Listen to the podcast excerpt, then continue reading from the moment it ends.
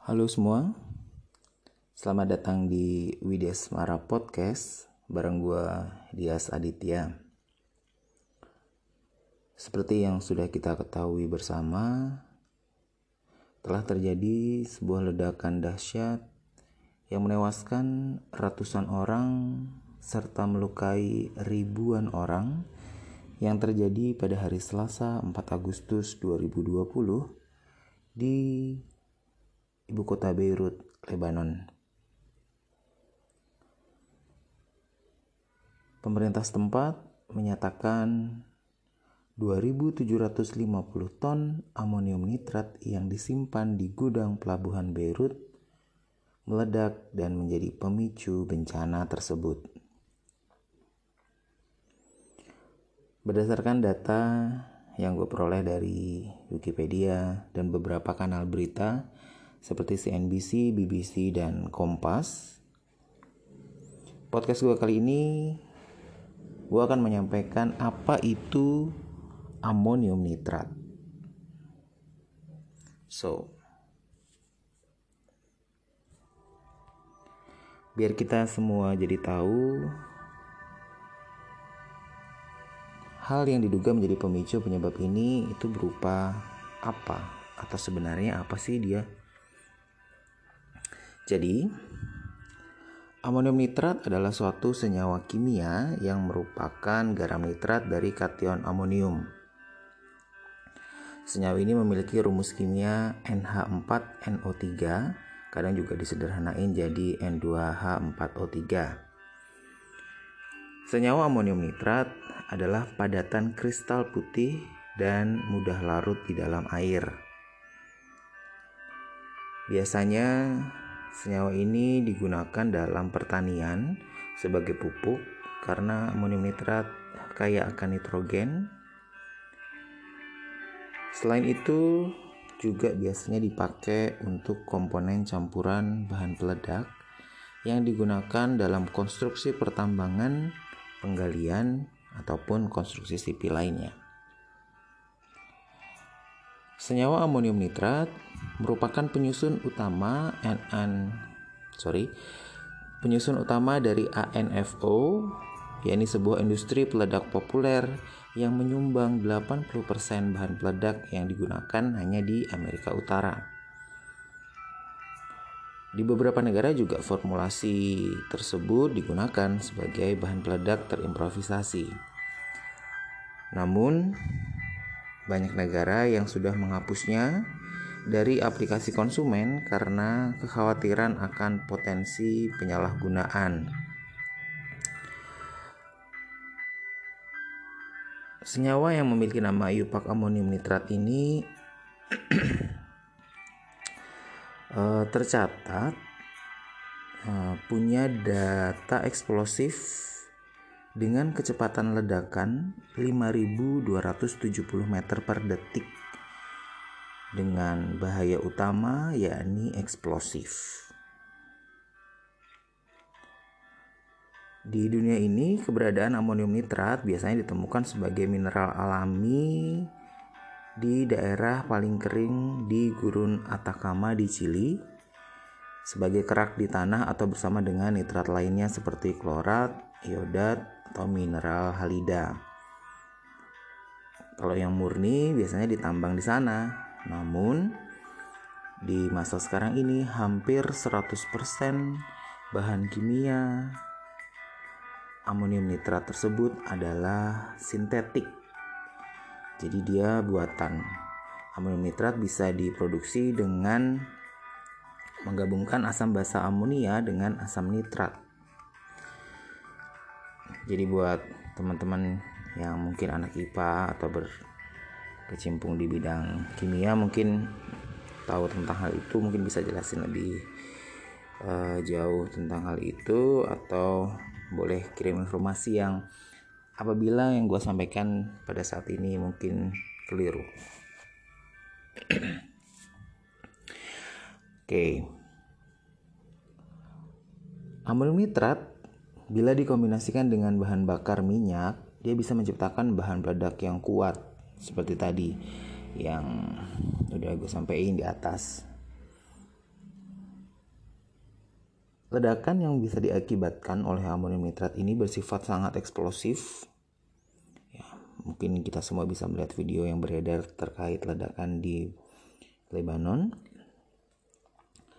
Namun sebenarnya amonium nitrat itu tidak terbakar, tapi akan mendukung dan meningkatkan laju pembakaran apabila ketemu dengan bahan yang mudah terbakar bahkan tanpa adanya oksigen. Jadi, oksigen itu bagi teman-teman yang belum tahu adalah salah satu unsur membantu untuk api itu bisa menyala. Namun, amonium nitrat tidak membutuhkan oksigen untuk membantu meningkatkan laju pembakaran. Bila dipanaskan, amonium nitrat akan meleleh, terurai dan melepaskan gas beracun termasuk nitrogen oksida dan gas amonia. Dan apabila dipanaskan secara berlebihan, misalnya dalam kebakaran, itu dapat menyebabkan ledakan di ruangan tertutup atau yang mungkin bisa percobaan di lab itu di wadah atau bejana yang tertutup itu bisa pecah dengan luar biasa.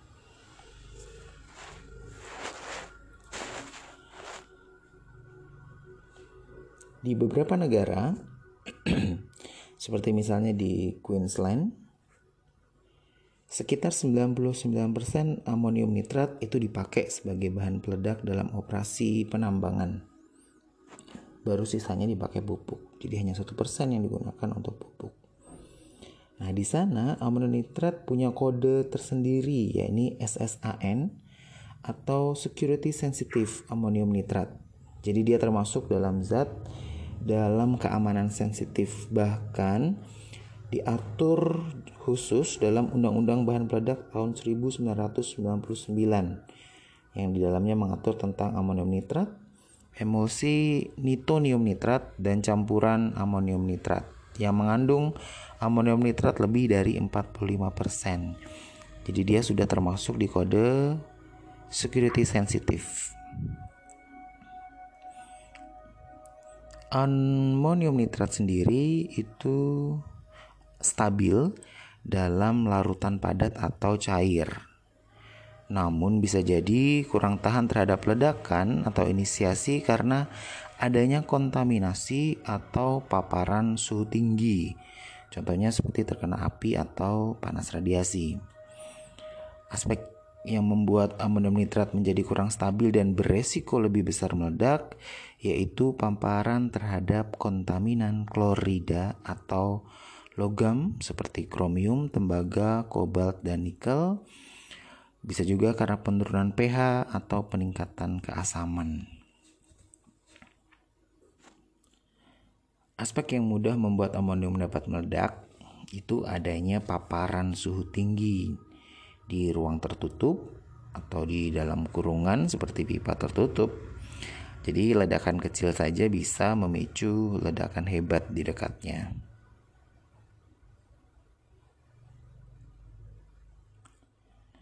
Beberapa negara di Uni Eropa sudah menetapkan peraturan yang ketat terkait senyawa ini. Karena mereka tahu uh, bahayanya sehingga ada beberapa peraturan di beberapa negara di Uni Eropa yang meminta untuk mencampur amonium nitrat dengan kalsium karbonat agar senyawa ini menjadi lebih aman. Oke. Okay. Amonium nitrat sendiri apabila zatnya terhirup oleh tubuh kita dapat membuat iritasi pada saluran pencernaan, akan memunculkan gejala seperti batuk, sakit tenggorokan, dan nafas yang pendek. Ada beberapa istilah kedokteran nih yang akan disebabkan apabila ada kandungan amonium nitrat di dalam tubuh kita dan bisa menyebabkan beberapa gejala seperti metemoglobinemia, sianosis, konvulsi, takikardia, dispenia, bahkan hingga kematian.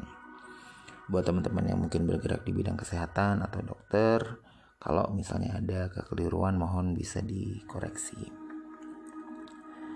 oke menurut uh, kompas.com metemoglobinemia ditandai dengan pusing mengantuk sakit kepala sesak nafas sianosis dengan kulit kebiruan, detak jantung cepat, dan darah berwarna kecoklatan. Dan inhalasi bisa membuat asidosis sistemik dan metemoglobinia.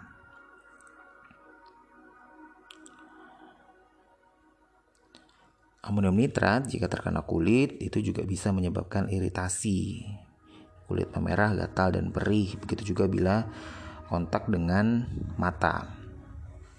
Dan apabila amonium nitrat itu tertelan oleh tubuh, dosis nitrat dalam jumlah besar dapat membuat pusing, sakit perut, muntah, diare berdarah, lemah, juga bisa menyebabkan kejang dan kolaps. Dan paparan yang lama, apabila tubuh kita terpapar lama dengan amonium nitrat secara berulang meskipun dosisnya kecil, namun apabila berlangsung berulang-ulang dan lama, itu dapat membuat tubuh kita lemah, sakit kepala, depresi, hingga kerusakan mental.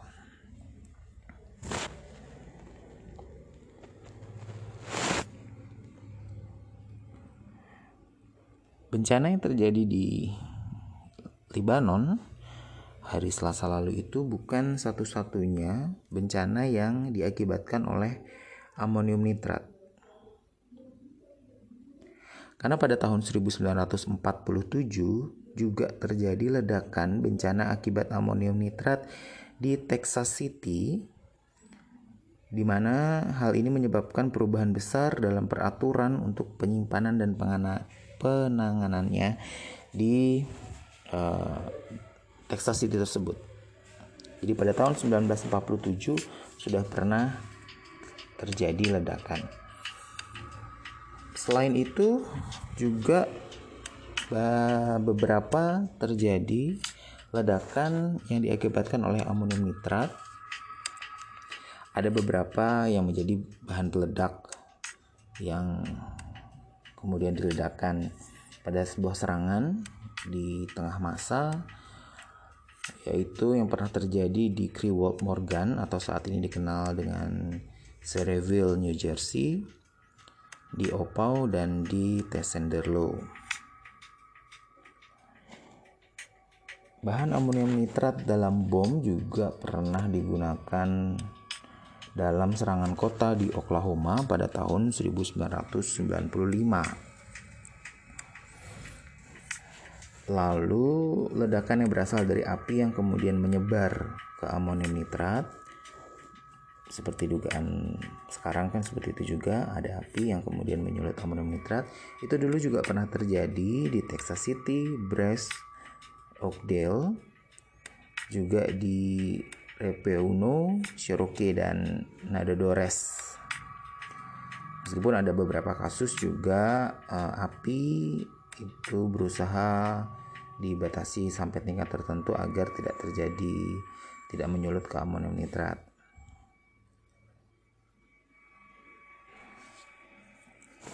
Oke. Karena hal-hal yang lumayan berbahaya tersebut, maka setiap orang atau institusi yang berhubungan dengan amonium nitrat ini harus benar-benar bisa mengelola potensi bahaya atau risiko yang dimunculkan. Terdapat sejumlah hal yang bisa dilakukan untuk mencegah terjadinya bahaya atau risiko yang lebih besar. Antara lain dengan mengidentifikasi bahayanya sendiri dalam konteks bagaimana ia disimpan. Jadi kalau sudah tahu gimana bahayanya, kita harus tahu bagaimana juga baga uh, kita menyimpan atau menanganinya. Juga dilakukan penilaian risiko.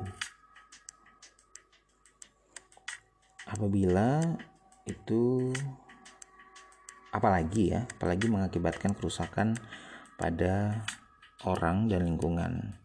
Dan apalagi juga menyangkut uh, apa risiko kehilangan nyawa.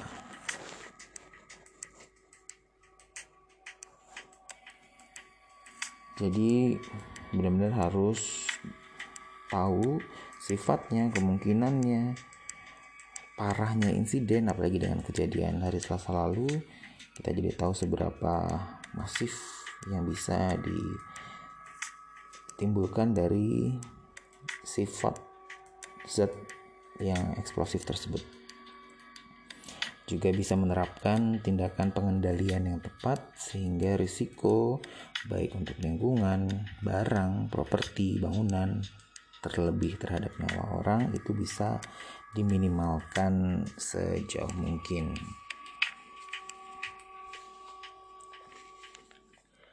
Sekali lagi karena mudah meledak, harusnya memang ada sejumlah aturan yang ketat baik dalam hal penyimpanan maupun penggunaannya. Aturan aturan ketat tersebut mungkin bisa meliputi soal tempat penyimpanan yang mungkin tahan api atau mungkin tahan dari radiasi panas. Lalu tidak boleh ada lubang kayak investigasi awal di Lebanon ada retakan di dinding gudang penyimpanan. Lalu juga mungkin pipa atau saluran lain yang dapat menumpuk amonium nitrat. Jadi tahu bahwa apabila ada tekanan di ruang tertutup, amonium nitrat juga bisa dipicu eksplosifnya.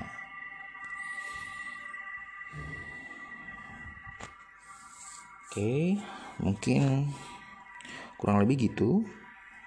Sebenarnya ada banyak data yang mengungkapkan tentang amonium nitrat tapi lebih banyak hal teknis sih dan spesifik ke beberapa uh, golongan akademis tertentu. Jadi mungkin secara umum kurang lebih gitulah yang bisa gue sampaikan dari beberapa data yang gue himpun. Ya biar kita lebih tahu mungkin juga semoga bisa nambah pengetahuan kita bersama dan sekali lagi kita berbelasungkawa bagi saudara-saudara kita di Lebanon dan kita berdoa untuk yang terbaik bagi saudara-saudara kita di sana dan bagi kita semua di tengah kondisi dunia seperti saat ini. So, thank you yang udah dengerin podcast gue kali ini. Tetap jaga kesehatan, tetap rendah hati, selalu berbuat baik, dan selalu berusaha menjadi sahabat bagi siapa pun. Karena seorang sahabat menaruh kasih setiap waktu dan menjadi seorang saudara dalam kesukaran. Nama gue Dia Saditya. Terima kasih. Bless ya.